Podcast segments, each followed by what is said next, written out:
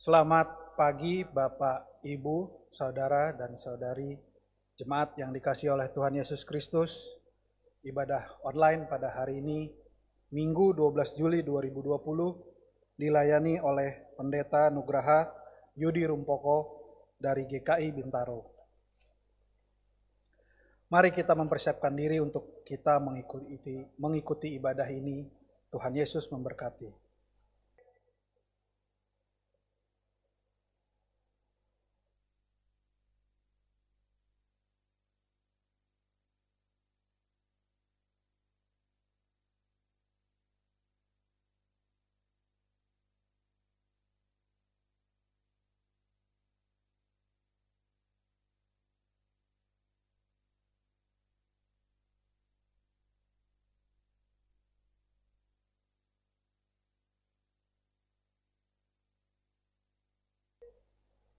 Para pekerja Tuhan, kita dipanggil hari ini karena ladang-ladang telah dibajak dan siap untuk ditabur.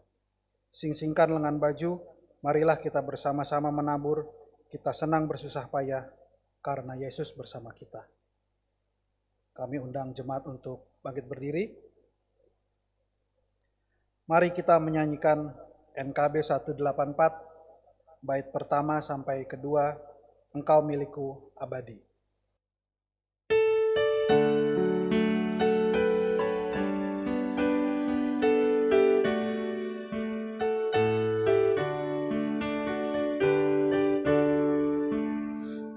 Kau milikku abadi di segala bagiku di sepanjang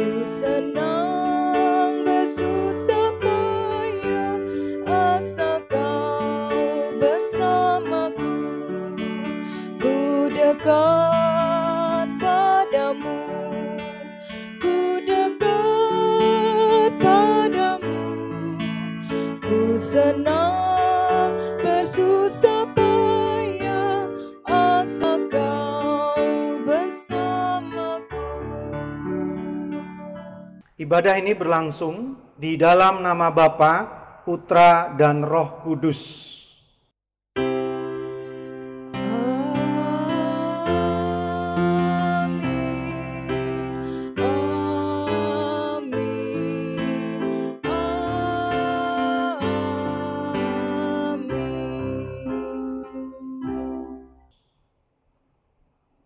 Damai dan rahmat Tuhan beserta saudara dan beserta saudara juga. Saudara, kita harus sadar bahwa kita memiliki pandangan yang berbeda-beda dalam menyikapi situasi pandemi ini. Sikap positif atau sikap negatif, sikap beruntung atau sikap merugi. Terlepas dari itu, pandemi ini sesungguhnya membuka banyak kesempatan kepada kita untuk menabur firman Tuhan. Sekaligus belajar tentang melihat segala situasi melalui perspektif Tuhan. Ladang Tuhan sudah dibajak dan siap ditabur. Maukah setiap anggota gereja Tuhan menjadi penaburnya? Ataukah kita justru termasuk yang bersungut-sungut dan berkeluh kesah? Mungkin kita juga terdampak kesulitan akibat pandemi. Bahkan mungkin kita sudah termasuk dalam kategori penerima bantuan. Tetapi bukankah dalam keterpurukan pun kita masih dapat bersaksi kepada dunia, masih dapat menabur, menabur firman-Nya. Tidakkah kita ingat Immanuel, Allah beserta kita, dan janji pemeliharaannya? Kita dapat menjadi saksi akan penyertaan dan pemeliharaan Tuhan dalam segala kesulitan. Mari kita menghadap Tuhan, memohon pengampunan, atas kekurang percayaan kita terhadap penyertaan Tuhan. Jemaat dipersilakan berdoa secara pribadi terlebih dahulu dan saya akan menutupnya dengan doa pengakuan dosa.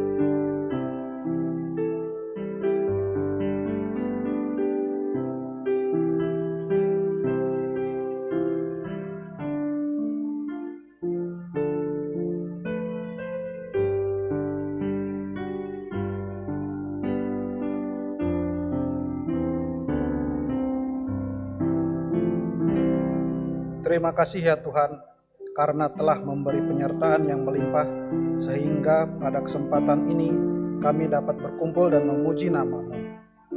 Terima kasih karena telah melayakkan kami agar layak di hadapanmu, meski kami melakukan banyak perbuatan dosa. Kami sadar sering kali kami lalai untuk menjalankan perintahmu, menyimpang dari kebenaranmu, dan melakukan perbuatan-perbuatan yang tidak terpuji. Semuanya adalah dosa yang kami tanggung. Sekarang kami sadar bahwa itu adalah perbuatan yang salah. Maka dari itu ya Tuhan, kami mohon agar diampuni dosa dan kesalahan yang telah kami perbuat. Tidak ada tempat lain selain kepadamu, kami meminta pertobatan. Kami ingin Engkau menghapus segala kesalahan yang pernah kami perbuat.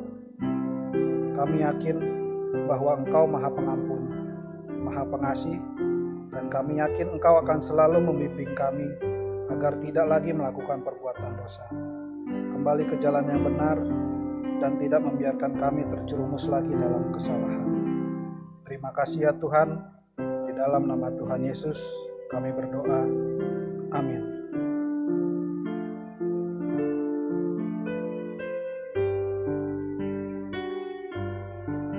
Mari kita merespon pengakuan dosa kita dengan menyanyikan PKJ 190 bait pertama dan ketiga. Sampai kapan engkau mengeluh?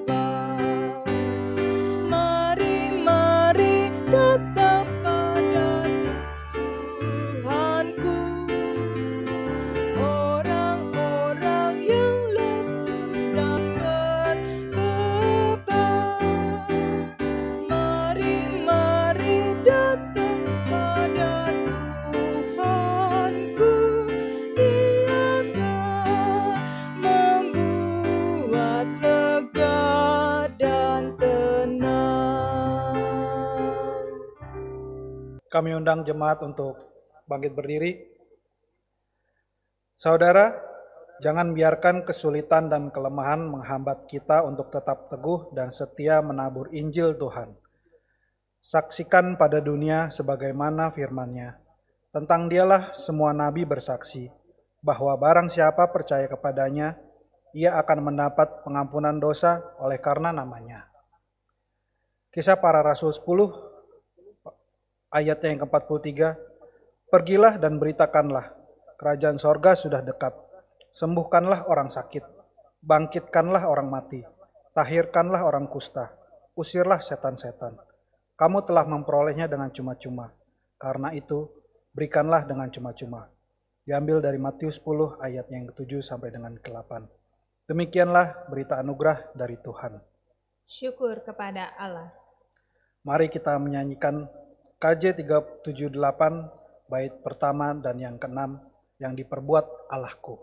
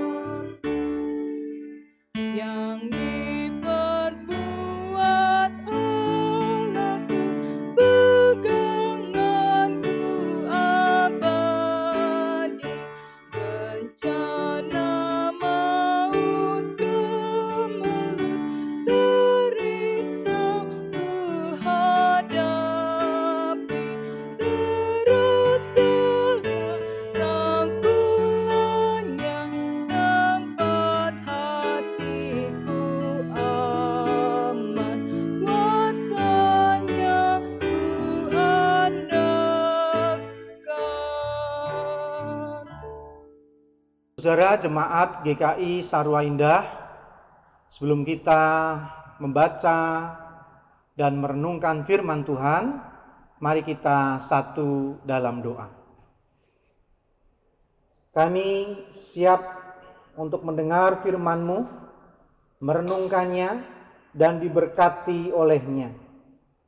Apa yang kami dengar, mampukan agar kami melakukannya di mana pun dan kapan pun sesempurna mungkin. Juga berkati hambamu ini, pakailah sebagai saluran kebenaran firmanmu. Inilah doa kami di dalam nama Tuhan Yesus Kristus. Amin. Bapak Ibu saudara sekalian apa kabar? Pertama-tama terimalah salam dari jemaat GKI Bintaro, tempat di mana saya melayani. Mungkin Bapak Ibu saudara sekalian tidak banyak yang mengenal saya. Saya adalah Pendeta Yudi, Nugroho Yudi Rumpoko itu nama saya. Dan senang rasanya bisa melayani saudara pada hari ini. Dan kita akan memperhatikan bacaan kita dari Matius pasal 13. Ada dua bagian, yang pertama ayat 1 sampai 9 Kemudian ayat 18 sampai 23. Saya akan bacakan untuk kita sekalian. Pada hari itu keluarlah Yesus dari rumah itu dan duduk di tepi danau. Maka datanglah orang banyak berbondong-bondong lalu mengerumuni dia sehingga ia naik ke perahu dan duduk di situ. Sedangkan orang banyak semuanya berdiri di pantai. Dan ia mengucapkan banyak hal dalam perumpamaan kepada mereka, katanya. Adalah seorang penabur keluar untuk menabur. Pada waktu ia menabur, sebagian benih itu jatuh di pinggir jalan. Lalu datanglah burung dan memakannya sampai habis. Sebagian jatuh di tanah yang berbatu-batu, yang tidak banyak tanahnya, lalu benih itu pun segera tumbuh karena tanahnya tipis. Tetapi sesudah matahari terbit, layulah ia dan menjadi kering karena tidak berakar. Sebagian lagi jatuh di tengah semak duri, lalu makin besarlah semak itu dan menghimpitnya sampai mati. Dan sebagian jatuh di tanah yang baik, lalu berbuah. Ada yang 100 kali lipat, ada yang 60 kali lipat, ada yang 30 kali lipat. Ayat 18 sampai 23. Karena itu dengarlah arti perumpamaan penabur itu. Kepada setiap orang yang mendengar firman tentang kerajaan sorga, tetapi tidak mengertinya, datanglah si jahat dan merampas yang ditaburkan dalam hati orang itu. Itulah benih yang ditaburkan di pinggir jalan. Benih yang ditaburkan di tanah yang berbatu-batu ialah orang yang mendengar firman itu dan segera menerimanya dengan gembira. Tetapi ia tidak berakar dan tahan sebentar saja. Apabila datang penindasan atau penganiayaan karena firman itu, orang itu pun segera murtad. Yang ditaburkan di tengah semak duri ialah orang yang mendengar firman itu, lalu kekhawatiran dunia ini dan tipu daya kekayaan menghimpit firman itu sehingga tidak berbuah. Yang ditaburkan di tanah yang baik ialah orang yang mendengar firman itu dan mengerti. Dan karena itu ia berbuah. Ada yang seratus kali lipat, ada yang enam puluh kali lipat, ada yang tiga puluh kali lipat. Amin. Demikianlah firman Tuhan dan kita yang berbahagia adalah yang mendengarkannya dan yang memeliharanya dalam hidup kita setiap hari. Haleluya. Haleluya. Haleluya. Haleluya.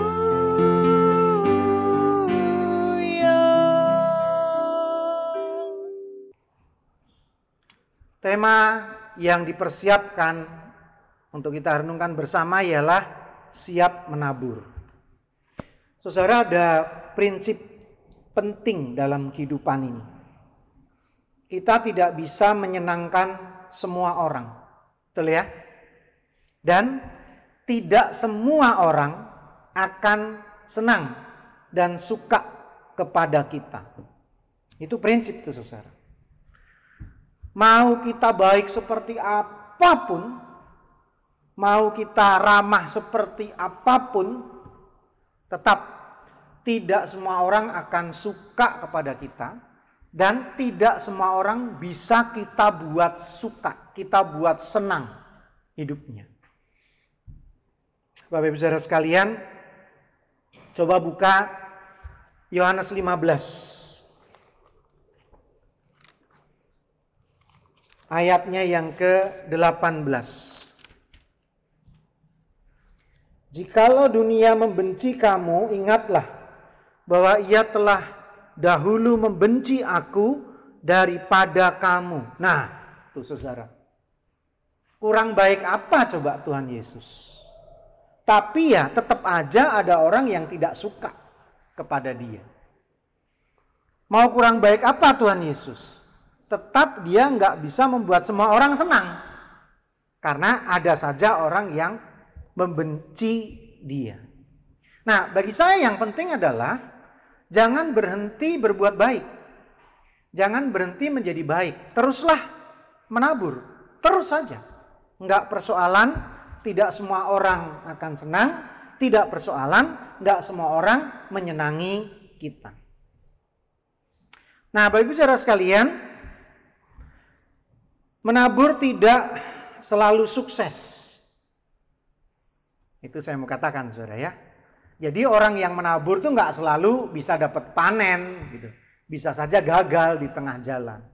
Karena ya seperti main layangan saudara, ada hal-hal yang nggak bisa kita atur. Benang kita bisa bikin bagus, layangan bisa kita desain bagus. Apa yang nggak bisa saudara atur kalau main layangan? Angin. Angin nggak bisa saudara atur. Kadang anginnya sepoi-sepoi, kadang terlalu kencang, kadang berubah arah, kadang anginnya berputar ya layangan bisa jadi nggak karu-karuan saudara. Nah seperti itu juga ketika kita mau menabur. Nah bacaan kita mengingatkan Bapak Bicara sekalian adanya empat karakter tanah pada saat orang itu menabur dan ini menjadi empat karakter manusia. Setidaknya ada empat karakter manusia.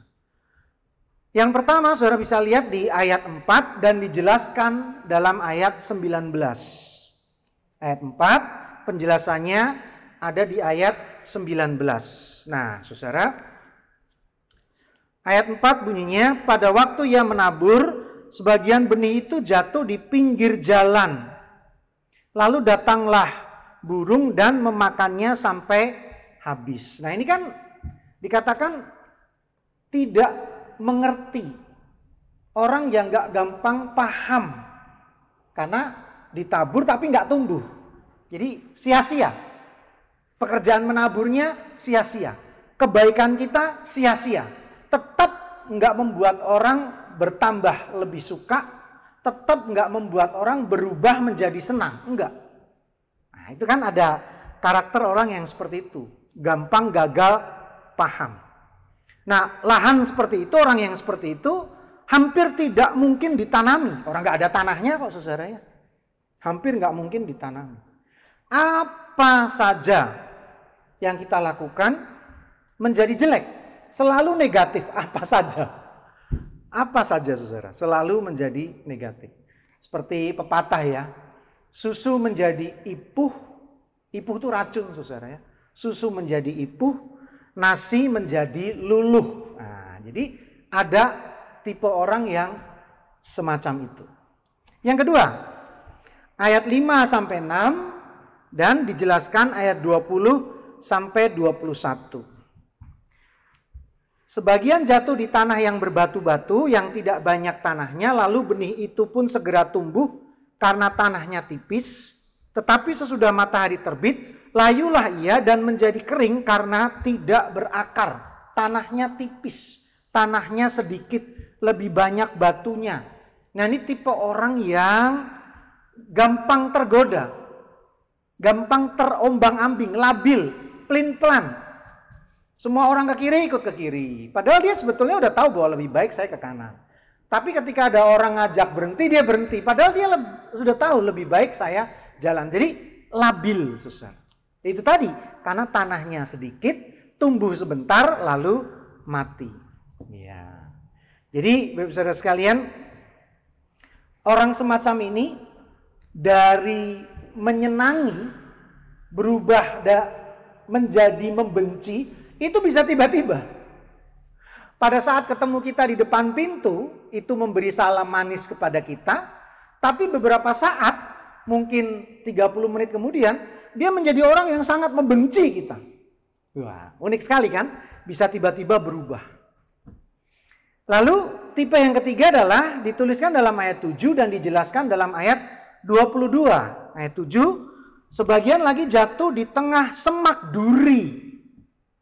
Ya. Lalu makin besarlah semak itu dan menghimpitnya sampai mati. Jadi ini tipe orang yang rapuh, lemah, bahkan secara tendensius bisa dikatakan tidak beriman, saudara, kurang beriman, karena dia tidak berbuah, selalu gagal panen, ya, berakar, bertumbuh, nggak pernah panen. Nah, gitu saudara ya. Saya pernah nanam pohon durian, saudara ya. Memang dari awal kita diberitahu sebaiknya menanam di dataran tinggi. Kalau di Jakarta ini kurang cocok. Dan betul saudara. Jadi pohon durian yang pernah saya tanam itu kalau udah mulai e, ada durian kecilnya itu ya rontok. Jadi nggak pernah menikmati buah duriannya. Pohonnya gede, berbunga berbunga, berbuah berbuah, tapi nggak pernah matang karena kecil aja, kemudian rontok dan jatuh. Nah, semacam itu. Karena tidak kuat pohonnya, tidak kuat akarnya, karena terus kalah dengan himpitan. Terus kalah dengan himpitan semak-semak itu. Dan yang keempat, ditulis dalam ayat 8, dijelaskan dalam ayat 23, nah ini tanah yang baik, tanah yang subur. Membuat pohon berakar dengan baik, bertumbuh dengan baik, berbuah dengan baik. Nah ini yang diharapkan oleh kita semua. Nah saudara jadi apa yang penting untuk direnungkan dari tema siap menabur ini. Jadi yang pertama saudara, melalui bacaan ini kita diingatkan adanya kompleksitas. Beragam. Kehidupan kita ini tidak seragam, berwarna-warni. Manusia itu berwarna-warni. Manusia itu beda-beda. Nah, kita diingatkan akan akan hal itu. Jadi, saudara, dengan demikian jangan mengkotak kotakkan orang. Karena memang orang macam-macam. Jadi kita nggak bisa seharusnya orang itu A semua, B semua. Ya nggak bisa saudara. Seperti begini. Saudara e, ingin menikmati pemandangan alam. Katakanlah di pantai atau di pegunungan misalkan gitu. Tapi saudara pakai kacamata hitam. Nah lalu saudara mulai melihat-lihat nih. Mulai melihat terus komentar saudara gini. Ah mendung. Lah orang gimana nggak mendung? Orang kita pakai kacamata hitam kan saudara ya. Jadi saudara nggak bisa melihat indahnya pemandangan itu. Birunya laut hijaunya pepohonan nggak bisa terlihat copot dulu kacamatanya kan gitu sehingga kita bisa melihat oh ternyata berwarna-warni berbeda-beda itu kenyataan saudara dan saudara tidak bisa dalam kehidupan ini kemudian memilih begini, pokoknya di gerejaku harus hanya ada orang tipe B. Ya nggak bisa, saudara. Aku hanya mau bergaul dengan teman kantor tipe C. Nah, nggak bisa, saudara. Aku mau hidup dengan orang yang hanya tipe A, misalkan. Saudara misalkan seorang ayah, anak saudara nggak cocok, lalu kamu pergi aja deh. Kamu nggak usah jadi anakku. Nah kan nggak bisa begitu, saudara. Kenyataannya orang berbeda-beda. Ada sebuah ilustrasi seorang raja sangat senang dengan emas. Dia sangat menyukai barang-barang yang berupa emas. Bahkan dia kayak kecanduan. Semua pengennya terbuat dari emas. Dan penasihat spiritualnya sudah pernah mengatakan, Pak Raja, Tuan Raja jangan begitu. Nanti tidak membawa keuntungan kalau kamu hanya senang kepada emas saja. Karena dunia ini ada tembaga, ada perak, dan lain sebagainya. Nah, dia nggak peduli. Bahkan dia mencari seorang sakti agar membuat dia mampu memegang semua barang dan jadi emas. Orang udah mengingatkan jangan, nggak perlu, buat apa? Gitu. Tapi dia nekat saja, saking kecanduannya dengan yang namanya emas itu, saudara. Dan dia belajar ilmu itu. Ilmu hitam atau ilmu emas, saudara. Ilmu emas lah ya. Ilmu emas itu. Dan berhasil. Semua yang dia pegang jadi emas. Semua yang dia pegang jadi emas. Tanpa dia ingat bahwa itu tidak menjadi baik. Pada suatu ketika dia memegang anaknya, anaknya jadi emas. Dia pegang istrinya, istrinya jadi emas. Dia pegang nasi, nasinya jadi emas. Rotinya, buahnya, dagingnya, semua jadi emas. Akhirnya dia menyesal dia hanya menyukai satu jenis logam, yaitu emas. Dan dia nggak bisa makan, dia nggak dapat kasih sayang karena hanya emas. Saudara, yang pertama yang kita bisa renungkan dari bacaan kita, mari kita belajar beradaptasi karena memang dunia ini berwarna-warni. Dunia ini bermacam-macam. Ada orang yang sangat sulit, ada orang yang sangat subur. Seperti lagu apa itu ya? Kos plus ya. Tongkat dan kayu jadi tanaman. Nah, yang kedua Saudara, apa yang bisa kita renungkan dari tema ini adalah teruslah menabur dengan cinta. Jadi jangan berhenti untuk berbuat baik itu, jangan berhenti menabur dan milikilah, eh, sorry, dasarilah dengan cinta.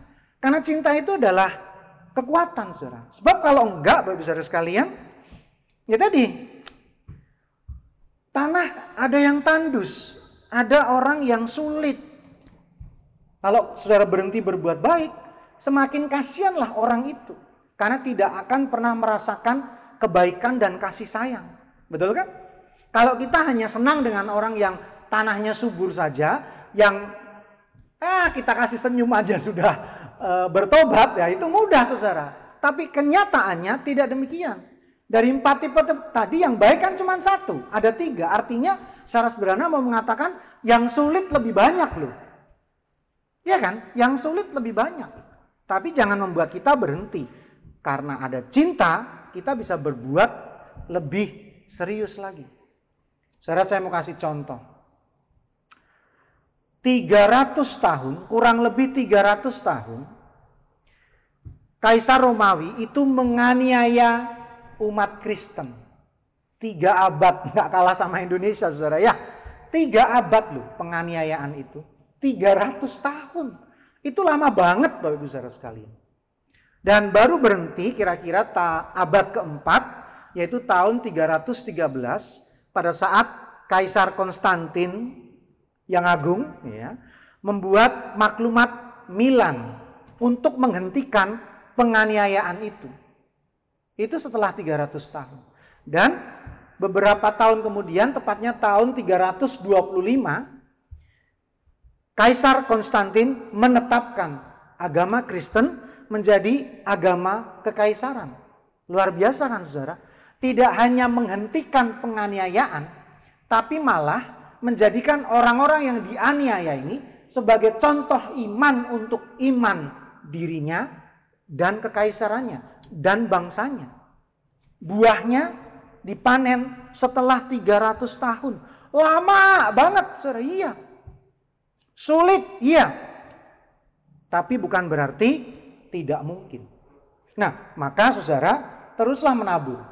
Asal saudara punya cinta. Yang ketiga yang terakhir Bapak Saudara sekalian, perhatikan ayat 23 dari bacaan kita tadi. Yang ditaburkan di tanah yang baik ialah orang yang mendengar firman itu dan mengerti dan karena itu ia berbuah. Ada yang sepu, maaf, 100 kali lipat, ada yang 60 kali lipat, ada yang 30 kali lipat. Ini kan harapan semua orang. Semua orang suka yang begini-begini, saudara. Iya jelas. Karena panennya berlipat-lipat. Tapi saudara saya mau ingatkan ya. Tanaman yang ditanam di tanah yang subur tidak otomatis berbuah terus. Betul nggak saudara?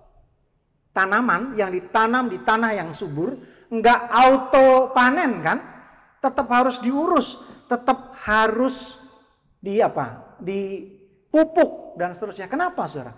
Karena hamanya juga nggak mau berhenti. Hamanya terus nyerang nih, penyakitnya ada terus.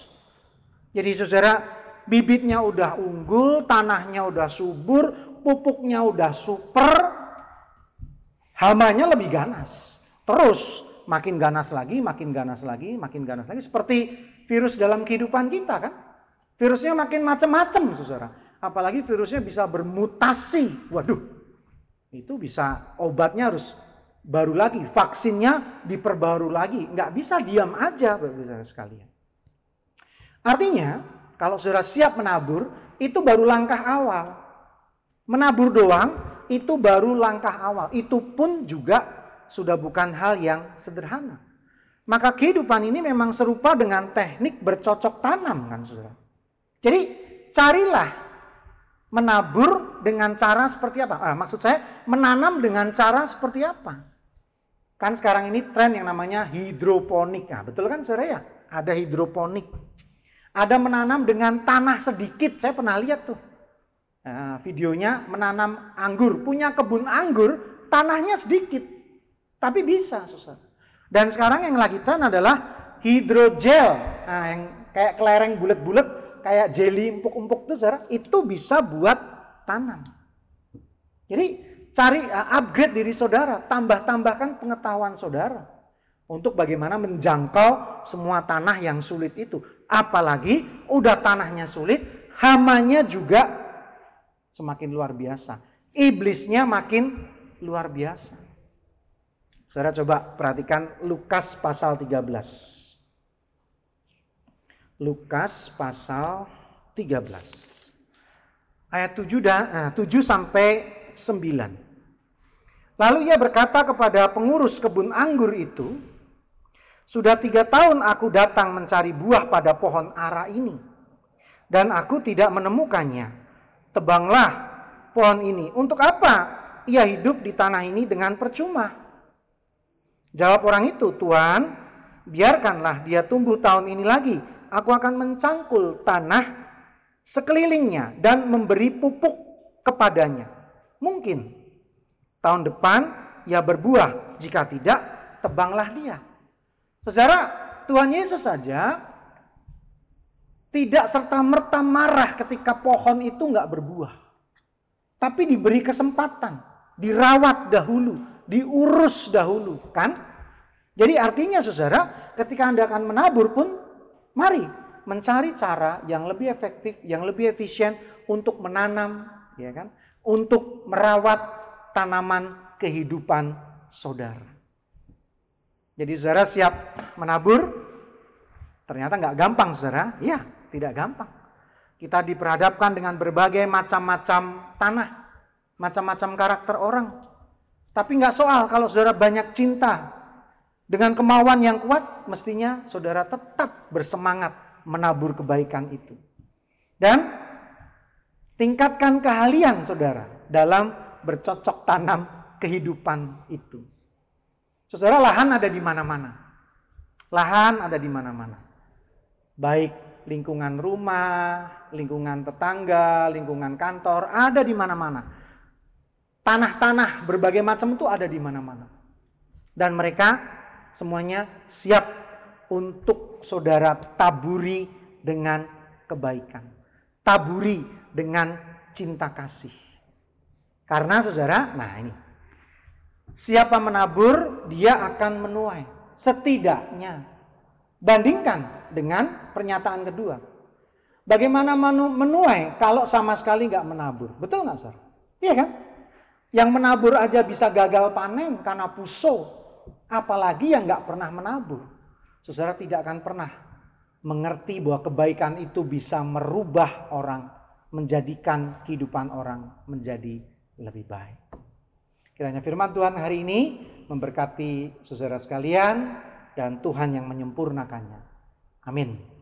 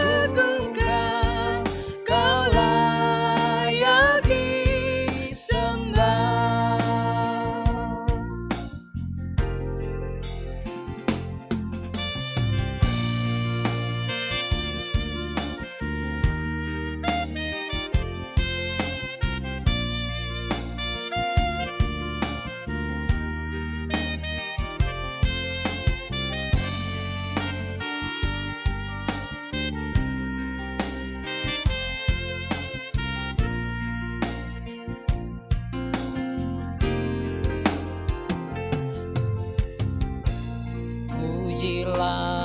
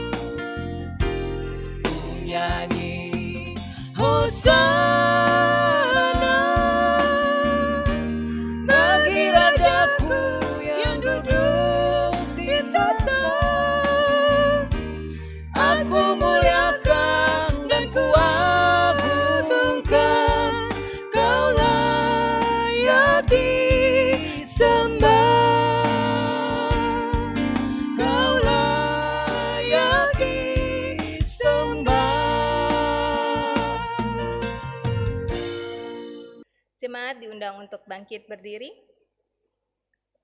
Marilah kita bersama dengan umat Allah di masa lalu, masa kini, dan masa depan, mengingat pengakuan pada baptisan kita menurut pengakuan iman rasuli demikian. Aku percaya kepada Allah, Bapa yang Maha Kuasa, Halik langit dan bumi, dan kepada Yesus Kristus, anaknya yang tunggal, Tuhan kita, yang dikandung dari roh kudus, lahir dari anak darah Maria, yang menderita sengsara di bawah pemerintahan Pontius Pilatus, disalibkan, mati dan dikuburkan, turun ke dalam kerajaan maut. Pada hari ketiga, bangkit pula dari antara orang mati, naik ke surga, duduk di sebelah kanan Allah, Bapa yang Maha Kuasa. Dan dari sana ia akan datang untuk menghakimi orang yang hidup dan yang mati. Aku percaya kepada roh kudus, gereja yang kudus, dan am, persekutuan orang kudus, pengampunan dosa, kebangkitan orang mati, dan hidup yang kekal. Amin. Mari kita bersatu dalam doa. Puji dan syukur kembali kami panjatkan kepadamu ya Tuhan. Kami boleh ada sampai saat ini, itu semua karena kasih dan kebaikanmu. Di saat ini, kami kembali kepadamu untuk menaikkan doa syafaat kami. Saat ini kami merindukan sebuah bangunan gereja yang di mana telah lama kami perjuangkan. Beri petunjuk bagi kami ya Tuhan, dan berilah kami kekuatan untuk dapat mewujudkannya. Kami berserah agar roh kudusmu menuntun kami dan hikmatmu menyertai kami. Kami percaya engkau pasti memberikan indah pada waktunya, dan kehendakmu sajalah yang jadi, bukan kehendak kami. Tetapi kami juga tidak lupa untuk bersyukur ya Tuhan, sampai saat ini kami masih bisa beri- beribadah di sekretariat ini dan di sekolah Nusa Indah. Terima kasih atas situasi dan kondisi yang mendukung hingga saat ini, dan kami bisa beribadah dengan tenang. Diberkatilah orang-orang di sekitar yang telah mendukung kami beribadah. Doa kami juga agar kami bisa menjadi saluran berkat bagi mereka yang ada di sekitar kami. Inilah doa yang menjadi kerinduan jemaatmu di tempat ini. Tidak hanya kerinduan, tetapi juga selidikilah ya Tuhan, agar kami benar-benar hanya berserah dan mengandalkan Engkau. Di dalam nama Tuhan Yesus, kami telah berdoa. Untuk pertama sekali kami berdoa untuk setiap anggota jemaat kami, keluarga kami, kerabat kami yang saat ini dalam berbagai-bagai pergumulan. Terutama yang sakit yang harus dirawat di rumah maupun di rumah sakit Tuhan berkati. Beri kesabaran dan kiranya usaha yang dilakukan tidak sia-sia, namun mendatangkan kesembuhan. Dan terkait itu kami teringat oleh para medis, para dokter dan pekerja rumah sakit. Mereka yang bahu-membahu berada di barisan depan menghadapi pandemi COVID-19. Tuhan beri berkat-Mu pada mereka. Yang sakit Tuhan sembuhkan dan pulihkan. Agar mereka boleh mengabdikan diri mereka kembali dengan cara yang terbaik. Kami juga berdoa untuk keluarga dan rumah tangga kami, khususnya keadaan ekonomi kami Tuhan. Kiranya Engkau menjadikan kami tangguh, kuat untuk mencari nafkah dan memperlengkapi kami dengan berbagai kreativitas dan inovasi. Sehingga kami dapat bertahan dalam kondisi krisis ini dan bisa mendapatkan rezeki yang halal yang asalnya darimu saja. Secara khusus Doa kami juga untuk anak-anak kami yang sekarang ini sedang mencari tempat sekolah di jenjang pendidikannya yang lebih tinggi. Tuhan terus berkati agar persoalan yang muncul dapat kami atasi. Dan secara khusus kami berdoa untuk majelis jemaat dengan berbagai tugas pelayanan yang ada. Tuhan berkati semuanya sehingga pelayanan yang dikerjakannya memperlengkapi kami semua juga aktivis gerejamu ini. Berkati mereka semua agar memberi diri dan meningkatkan pelayanan di keadaan new normal ini. Dan secara khusus doa kami untuk bangsa dan negara. Tuhan berkati para pemimpin kami agar mereka bekerja dengan baik dan mengabdikan diri mereka untuk membuat Indonesia menjadi bangsa yang besar, makmur, dan bangsa yang hebat. Inilah sebagian doa-doa kami, permohonan kami, pengharapan kami yang ingin kami sempurnakan di dalam doa yang kau ajarkan kepada kami. Bapa di sorga, dikuduskanlah namamu, datanglah kerajaanmu, jadilah kehendakmu di bumi seperti di sorga. Beri kami hari ini makanan yang secukupnya.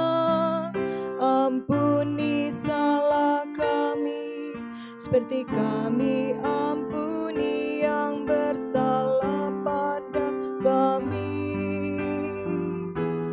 Jangan bawa kami dalam pencobaan, melainkan lepaskan kami dari yang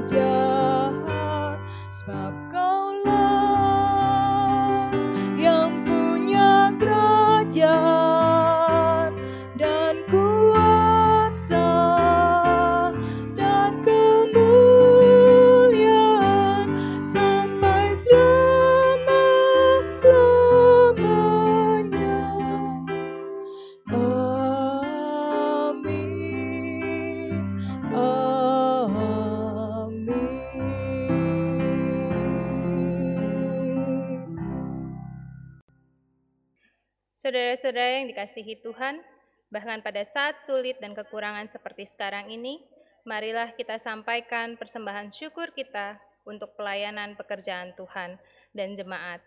Sebab firman Tuhan di dalam kisah para rasul 20 ayat 35 menyatakan demikian. Dalam segala sesuatu telah kuberikan contoh kepadamu, bahwa dengan bekerja demikian kita harus membantu orang-orang yang lemah dan harus mengingat perkataan Tuhan Yesus Sebab ia sendiri telah mengatakan, adalah lebih berbahagia memberi daripada menerima. Kita akan mengumpulkan persembahan kita dengan diiringi Kidung Jemaat 433 bait pertama hingga ketiga. Aku suka membagi.